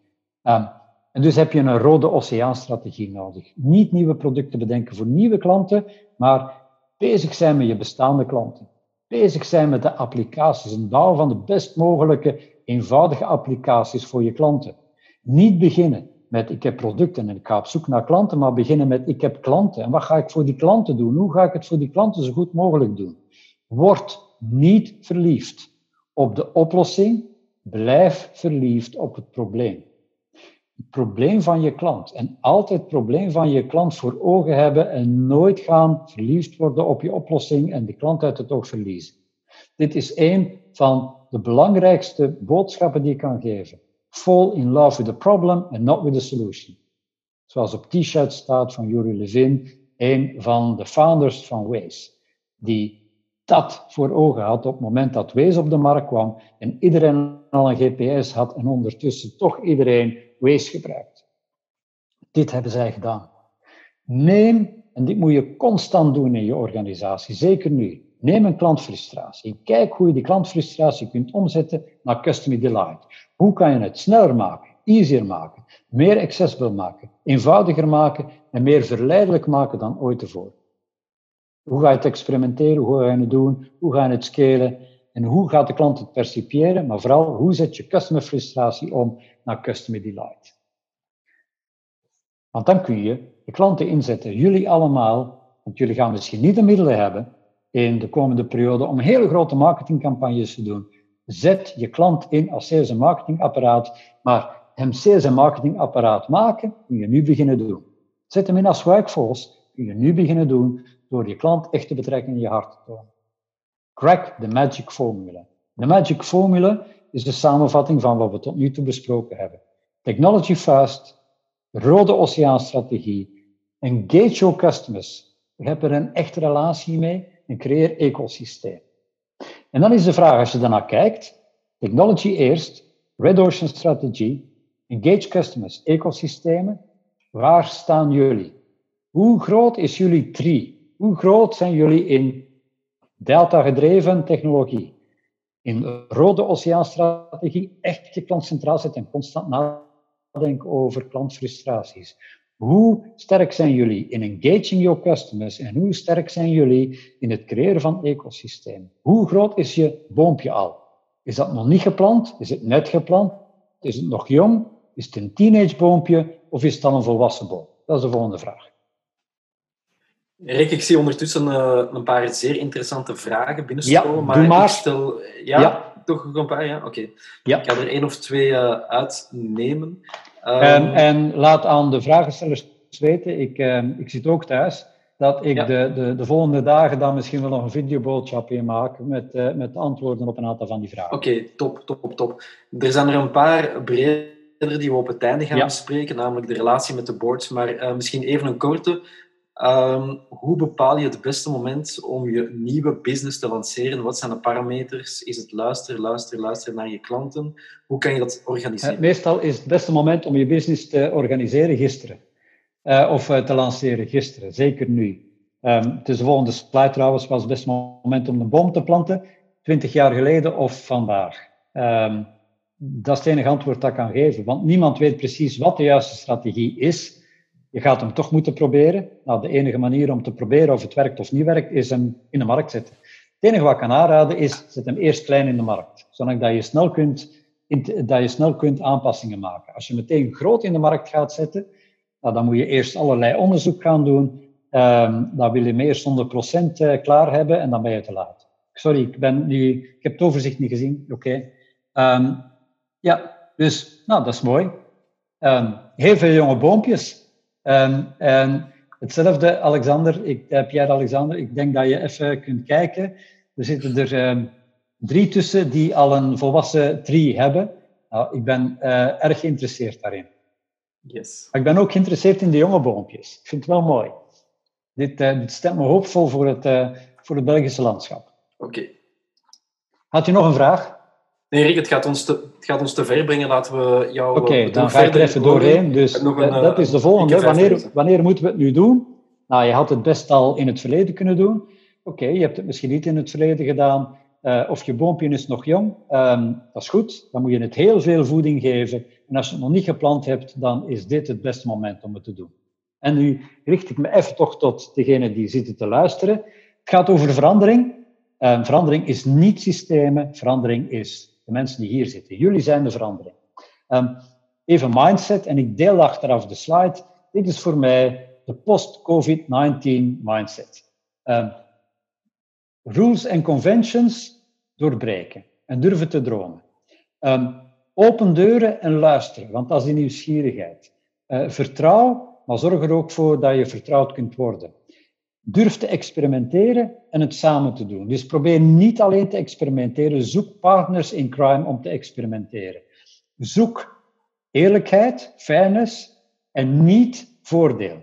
Dat is een hele belangrijke. Ook als je met klanten omgaat, ga probeer niet in je voordeel te denken. Denk in equality, samen. Um, try, fail en persist. Dus durf iets te proberen, durf gerust te falen, maar blijf volhouden. En een laatste, dat is een hele belangrijke, pay it forward. Niet eerst centen en dan ga ik wat geven. Dit is echt het tijdperk om eerst wat te geven, te kijken en dan pas er eventueel geld voor te vragen. En ik weet dat dat heel vreemd klinkt. En dat dat heel erg Silicon Valley-achtig klinkt. Maar dit is het moment om dat te proberen. Het is niks nieuws? Ik ga het niet helemaal voorlezen, maar dit is de Hewlett-Packard garage in Silicon Valley. En dit zijn de rules van de garage. We zitten allemaal terug in de garage. Heel veel businesses zijn verdwenen of gaan verdwijnen. Dit gaat helemaal overhoop gehaald worden. Dus wij moeten allemaal terug in onze garage, in onze garage nieuwe dingen bedenken. En de slide gaat gedeeld worden, maar eigenlijk is het moment terug om deze slide te printen en in de kantoren op te hangen. En ik pik er een aantal uit. Geloof dat we samen om het even wat kunnen doen. En als we wat bedenken, dan is het alleen maar de moeite om uit de garage te, uit de garage te komen als het iets bijbrengt. Radicale ideeën zijn goede ideeën. En dan staat er nog een andere. The customer defines a job well done. Om het even bedenken, het is pas goed als de klant het goed vindt. En dat zijn de rules of the garage en ik denk dat die meer dan ooit waar zijn. Als business leader, en ik hoop dat er een pak business leaders mee zitten te luisteren, het is niet aan jullie om beslissingen te nemen, want dan sla je het weer helemaal dood. Jullie moeten helpen experimenten te designen, experimenten toe te laten. Niet decisions te nemen, want dan ga je van assumpties uit. Dat kan niet anders. Geen grote visie dicteren, maar een grote uitdaging neerzetten. Dat zet mensen veel meer aan, dat motiveert veel meer dan een visie. En verspreidt innovatie zoals een virus. Nu, cirkel is rond, hè. We zijn begonnen met een virus en we eindigen met een virus. We worden geconfronteerd met een virus. We horen elke dag op de televisie hoe we een virus kunnen bestrijden. Nu, hoe we een virus bestrijden, verspreiden, eh, eh, bestrijden is net het omgekeerde dan wat we moeten doen om een virus te verspreiden. Dus we moeten even nadenken over hoe verspreiden we een virus. Nu, het enige wat we, wat we moeten doen is geen ideeën brengen, maar de organisatie klaarmaken om geïnfecteerd te worden door de ideeën. Dat moet je doen. De ideeën ontstaan wel, maar maak een organisatie klaar voor het virus. Heb een patiënt zero. Laat een aantal piraten toe. Laat een aantal mensen toe die geïnfecteerd zijn met dat innovatievirus, want dat zijn je patiënten zero. Heb een aantal super ziekmakers. Een aantal mensen die erg veel invloed hebben, die heel veel mensen in je organisatie kunnen, besmetten met dat virus. Organiseer wat we nu niet mogen organiseren, bijeenkomsten waar veel mensen samenkomen en besmet kunnen worden met dat innovatievirus. Laat ze samenkomen. Stop ze in departementjes of in silo's, maar breek de departementen en de silo's open, zodat dat iedereen zo snel mogelijk um, gecontamineerd kan worden. Dus net het omgekeerde wat we op dit ogenblik doen, moet je in je organisatie doen als je dat innovatievirus wil verspreiden en klaar wil zijn voor de day after tomorrow. Je moet mensen geen tijd geven, maar je moet ze de resources geven om nu te acteren. Dat is wat je moet doen.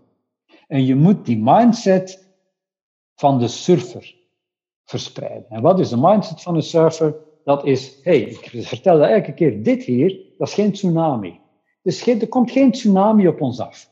Dat is, als je er als een surfer bovenop zit, alleen maar een grote golf. Dus je moet echt de, mindset hebben binnen een organisatie om blij te zijn met die grote golven, hard te werken om ze proberen te, te grijpen, want het komt niet vanzelf dat je bovenop die golf zit. Als je erop zit, kan dat af en toe heel scary zijn als je op de golf zit, maar je mag niet opgeven en je kan pas ontwikkelen wat je precies moet kennen en kunnen eens je op de golf zit. Je kan niet op het droge oefenen. We hebben de tijd niet om op het droge te oefenen. We hebben de tijd niet om ons vredig klaar te, te maken voor corona. We kunnen een aantal maatregelen nemen, maar die hebben meer met mindset te maken. Mindset van een surfer in je organisatie krijgen en beginnen, we zijn alle te surfen. Ik denk dat je dat moet gaan doen en dat dat de boodschap is. Ik wil met deze slide eindigen voordat ik even uh, doorheen een potentiële workshop loop, en dat duurt maar vijf minuutjes. Um, dat is dit. Uh, dit is Kevin Kelly. Kevin Kelly heeft een boek geschreven, The Inevitable.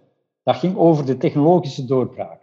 Technologische doorbraak, hé hey mannen, ze gaan toch gebeuren. Het is, on, on, het onontkomelijk. Je kan er niet aan ontkomen, die inevitable. En hij zegt, bekijk dat een keer als een open markt. Met nog geen specialisten en vol laaghangend fruit. Nu, dat is corona. Na corona, de markt is volledig open. Er zijn geen specialisten. Niemand weet precies wat er gaat naar voren komen en hoe we daar precies mee moeten omgaan. Zelfs niet de grote giganten, integendeel. En het zit vol low-hanging fruit. En het low-hanging fruit is niet alleen voor de grote, maar eerder zelfs voor de kleintjes. De dino's gaan het moeilijker hebben dan de ratten. Wees een rat. Begin groot te denken, begin klein en wees snel. May the force be with you. En de belangrijkste force is de net curiosity score. Wees zo nieuwsgierig mogelijk naar wat er gaat komen. Oké, voordat we even hoog over door een workshop lopen, Pierre-Alexandre, zijn er nog vragen? Ja, twee belangrijke, twee belangrijke vragen die zeker voor de retail en consumer goods van toepassing zijn. Ik ga de eerste helemaal lezen. Rick, hoe overtuig je de board die vandaag brand aan het blussen is en alles aan het zetten is om de deuren van de huidige business open te houden? Hoe ga je die vandaag overtuigen om meteen, ook nu tijdens de crisis, het moment aan te grijpen als het startmoment is? Eén, lessons learned op te stellen uh, vanuit de crisis. En twee, om er effectief wat mee te doen na de crisis. Niet te vergeten als alle operaties weer stabiel lopen weten dat, dat de wereld er natuurlijk anders zal uitzien. Dat is een brede vraag, maar ik denk zeer toepasbaar voor de hele Ja, dat is een, een heel toepasbaar. Ik, ik, ik, ga er eerst het makkelijkste antwoord op geven. Uh, nodig me uit om met hen te praten, maar ik denk niet dat dat het antwoord is dat ik moet geven. Uh, al ben ik dat op dit ogenblik met een aantal boards aan het doen, op vraag van mensen die net onder de boord staan. Um, ja, de, de, het belangrijkste is, ik, ik geloof heel sterk in de formula to change. Um, en een boot veranderen van ideeën is een formula to change. Je moet ze veranderen. En de formula to change bestaat uit drie componenten. De eerste component is compelling reason to change. Er moet een dwingende reden zijn om te veranderen. Nu, ik denk dat wat op dit ogenblik aan het gebeuren is, met alle respect, als de board niet inziet dat dit een kantelmoment is, um, ik zou bijna zeggen scream and run.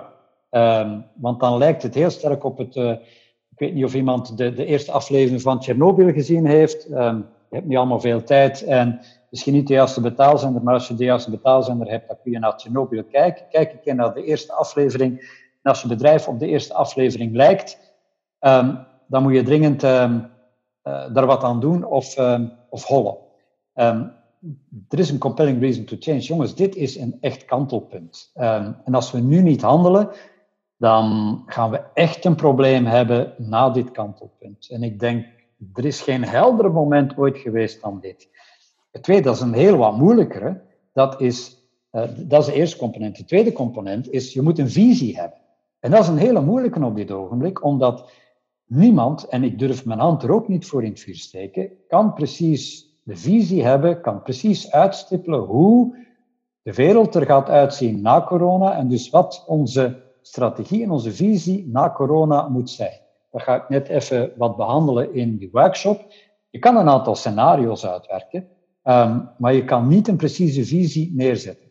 En ik denk dat de enige visie is, mensen, we weten het niet, niemand weet het. Degene die hier het snelste, uh, het meest flexibele en het meest alerte mee omgaat, die gaat niet alleen overleven, die gaat markt kunnen pakken. Hè. Dit is het moment om markt te pakken.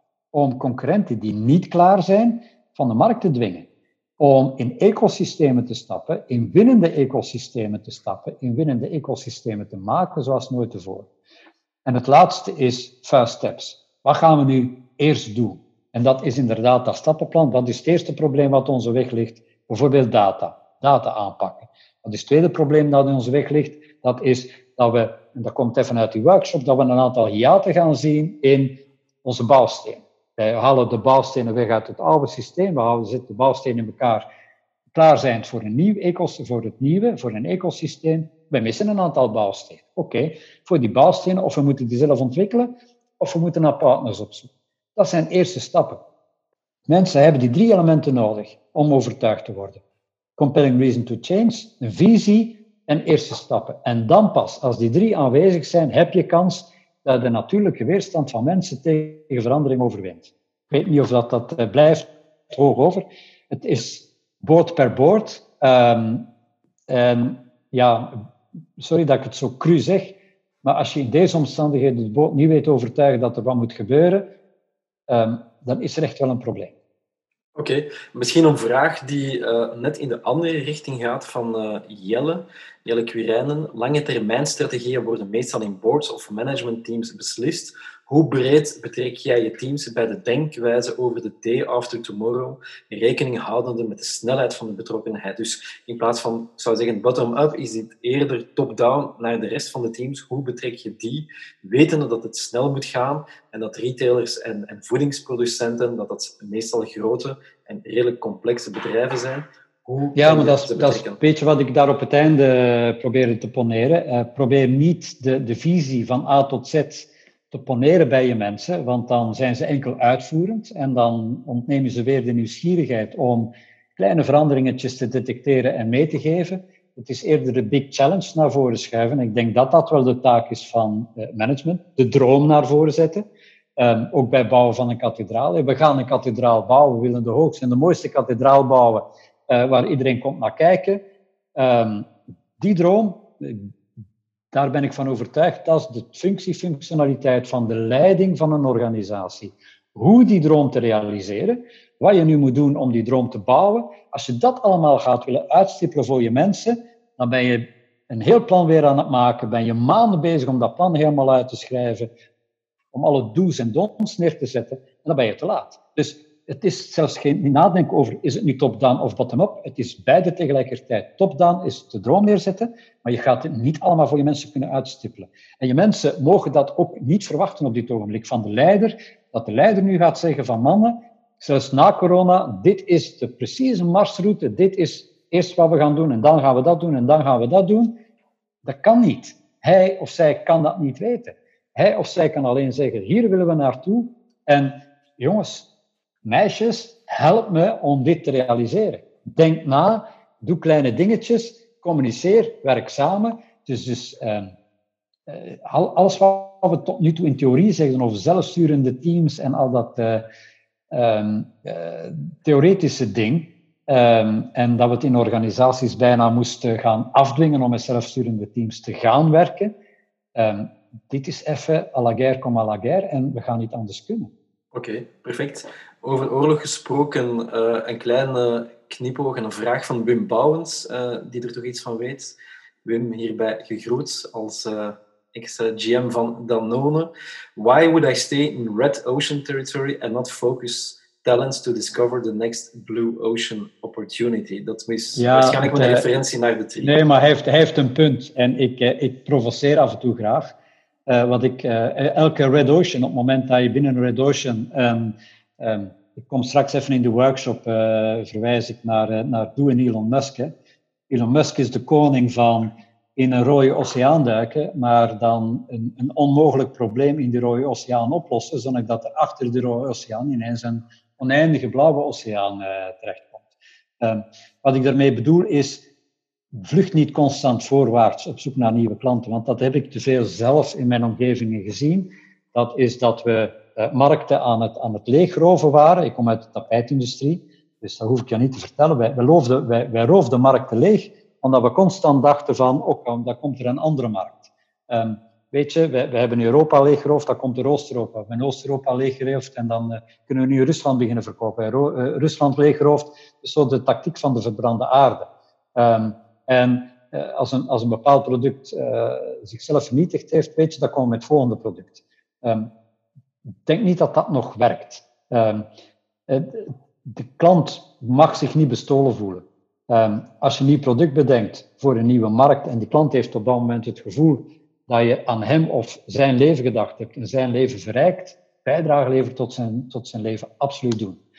Als de klant achteraf alleen maar het gevoel heeft van even gebruikt te zijn, hè, de drie F'en van uh, sales, find, fuck, forget, en dan moet je even vergeten dat ik dat gezegd heb, um, dat wil je niet. Dus dat is een beetje waarom ik provocerend het heb over de rode oceaanstrategie.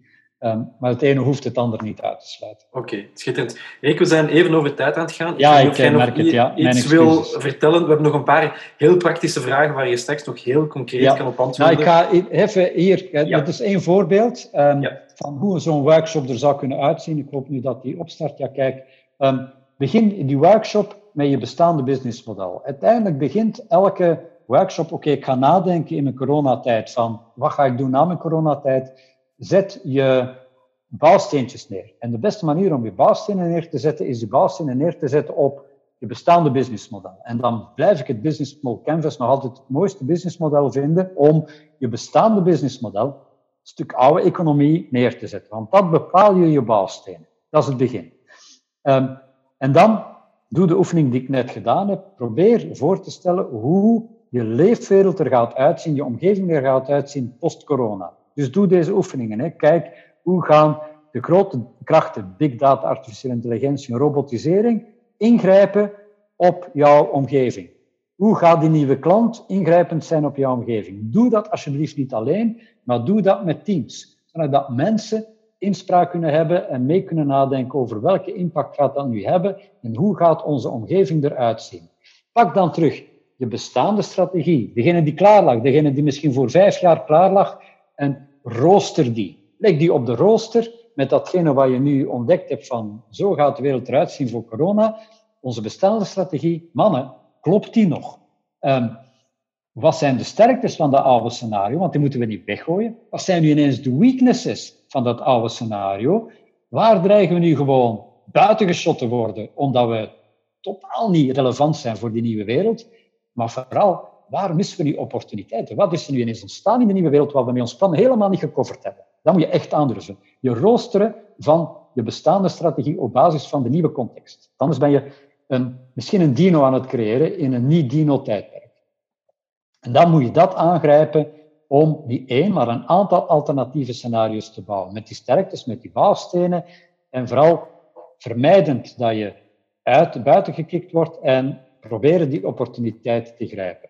Uh, en hoe doe je dat? Je gebruikt je bouwstenen, dus dan decomponeer je je, je je, bestaande building blocks, die leg je als Lego-steentjes op tafel en dan zet je die terug in elkaar op de platformeconomie. Dan zeg je, oké, welke van die bouwsteentjes kunnen we nu gebruiken als applicatie? Welke zijn ons netwerk? Welke zijn onze sensoren? Welke zijn onze infrastructuur? Dat is een oefening die je perfect met z'n allen kan doen. Dus, en dit is de toolkit. Je hebt enerzijds dat Smart Ecosystem Platform Canvas, Je hebt anderzijds die uh, value stream generator. Hè. Hoe zet ik nu, um, wat, wat, is mijn, mijn ruilhandel met partijen die me bouwsteentjes kunnen aanreiken die ik tekort heb? En hoe bouw ik nu applicaties? Hoe zet ik nu customer frustrations om naar customer delight? Eén na één. Wat is een goede applicatie? Dat zijn eigenlijk je drie, je drie generatoren die je ter beschikking hebt om die nieuwe strategieën te bouwen. En dan moet je je strategieën die je gebouwd hebt, je hebt er vier of vijf potentiële nieuwe strategieën gebouwd voor corona of post-corona, dan moet je de Elon Musk doen. En wat is de Elon Musk? Dat is heel eenvoudig. Dat is kijken met een strategie om die uit te voeren. Zijn die makkelijk of moeilijk uit te voeren? En hebben ze weinig impact of hoge impact? En dan een volgorde te gaan bepalen. Wat is nu de belangrijkste strategie en de minst belangrijke? De eerste is, oké, het heeft hoge impact, maar het is makkelijk om te doen. Dan is eigenlijk bijna de vraag, waarom heeft niemand het gezien? En de enige wat je kunt doen, is het heel snel neerzetten en heel snel monetizen. Want de kans dat niemand het gezien heeft, is heel klein. Met andere woorden, je bent wellicht in zeven botrooms tegelijkertijd datzelfde idee aan het bedenken, want het is zo duidelijk dat hier geld te rapen valt, makkelijk geld te rapen valt. Dan ben je nooit alleen. Waar Elon Musk gigantisch van houdt, is dit. Hoge impact, maar heel moeilijk om te doen. Crack the code and win the world. Dit is echt de ultieme Blue Ocean strategie. Begin vanuit een rode oceaan en los iets op waarvan niemand, waarvan iedereen denkt van dit lukt niet. Als je dat oplost, dan heb je wat. Dat is eigenlijk niet het eerste scenario, maar het tweede scenario, het moeilijkste scenario, maar wel het scenario met de meeste potentiële winst op lange, middellange termijn. Het derde is easy en low impact. Ontwikkel dat snel en cash fast. En het vierde is het is moeilijk en het heeft lage impact, begin er zelfs niet aan. Dat is de Elon Musk. Toe. En dan heb je al die scenario's even over de Elon Musk-matrix getrokken. En dan weet je precies welk scenario je eerst moet aanpakken. Dat is het. Zijn er nog vragen? Schitterend, dankjewel. Um, mochten de mensen applaudisseren, zouden we ze tot bij jou horen. Een paar praktische vragen misschien. Um, een eerste vraag van Greet Leemans. Hoe komt het dat we, hoewel we allemaal zelf klant zijn, op een bepaald moment onze klant kwijtraken? Um, ik, ik, denk dat dat uh, vrij logisch is. Ik heb uh, zelf lang genoeg in business gezeten. Dat heeft met, met je context te maken. Hè. Je rapporteert aan elkaar via een aantal KPI's. Uh, om het in het Vlaams te zeggen, uiteindelijk, je, we beginnen allemaal met de Wiersma-driehoek. Dat je kunt kiezen tussen operational excellence en product leadership en customer intimacy. Um, en uiteindelijk, alle bedrijven, en daar moet je een keer op letten, na verloop van tijd dan, uh, gaat iedereen naar putteke. En wat is putteke? Dat is um, operational excellence. Um, het gaat even wat moeilijker en dan worden er een aantal lijnen geschrapt en dan wordt er voornamelijk op de winstgevendheid uh, gekeken. Dus op de duur ben je gedreven door je KPI's, gedreven door je processen en procedures, ben je niet meer met die klant bezig. Want heel vaak is met de klant bezig zijn heel tijdrovend, heel frustrerend, heel moeilijk en kost het, of lijkt het ook altijd veel geld te kosten. En dat zet je opzij. En in niet snel veranderend landschap is dat vaak ook een vrij goede strategie om te doen. Je weet van, het loopt ooit een keer af, maar die curves die lopen meestal heel traag omlaag. Alleen, op het moment dat er een exponentiële curve komt, dat betekent dat andere businessmodellen ook exponentieel omlaag gaan. En dan wordt het een gevaarlijke. Dus een kloof creëren met je klant is niet goed um, en is niet gevaarlijk zolang er geen disruptors tussen jou en je klant komen, maar weet dat als het gebeurt, dat de kans dat de disruptors tussen jou en je klant komen vroeg of laat een keer gebeurt. En we zitten in een omstandigheid, bedoel, we gaan naar corona, al die kloven, al die disruptors, die gaan nu hun kans grijpen. De dino's die zijn dood of stervende. Die disruptors gaan nog sneller nu de kans grijpen om tussen jou en je klant te komen. Um, en ja, we, hebben dat met z'n allen gedaan. En hoe komt dat dat we dat vergeten? Omdat we met ons bedrijf bezig zijn en met de KPI's bezig zijn en met onze rapportagestructuren bezig zijn. Niet dat normaal, maar verkeerd. Oké, zeer duidelijk antwoord. Een allerlaatste vraag, en dan denk ik dat iedereen naar huis kan gaan. Ik zie dat er uh, meer. Ja, naar huis of thuis is, maar. Ja, ja, ja absoluut. dus ja. Uh, een allerlaatste vraag. Uh, think global, act local. Wordt dit achterhaald? Wordt het eerder think local, act local? Ja, ja. Ehm, het is, ehm, af en toe heb je visionaire boeken. Hè? Ehm, ik denk dat Geert Noels in zijn handen wrijft met uh, zijn gigantisme. En haalt gelijk, het, het, gigantisme is voorbij en ik denk dat het gigantisme nu echt wel een klap gekregen heeft. Dat we met z'n allen zien dat heel ver van hier sausen en meestal op dezelfde plek sausen misschien geen goed idee is. Ik denk dat we met z'n allen gezien hebben dat er enorme solidariteit is of kan ontstaan onder de stammen, de bevolking, maar ik noem het liever stammen. Um, en als wij, dat is een oproep die ik graag doe aan het, aan het retaillandschap, die ik niet te hard wil lanceren, maar het is wel een oproep, het is een warme oproep.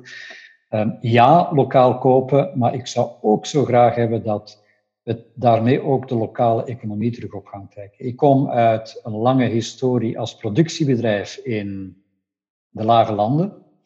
Ik heb bij Desselang gezeten, ik heb daarna bij Domelang gezeten. En ik zag hoe al mijn lokale retailers één na één de weg vonden naar China en naar Turkije. En wij eigenlijk met onze plaatselijke productie ook niet gekocht werden door onze plaatselijke retailers.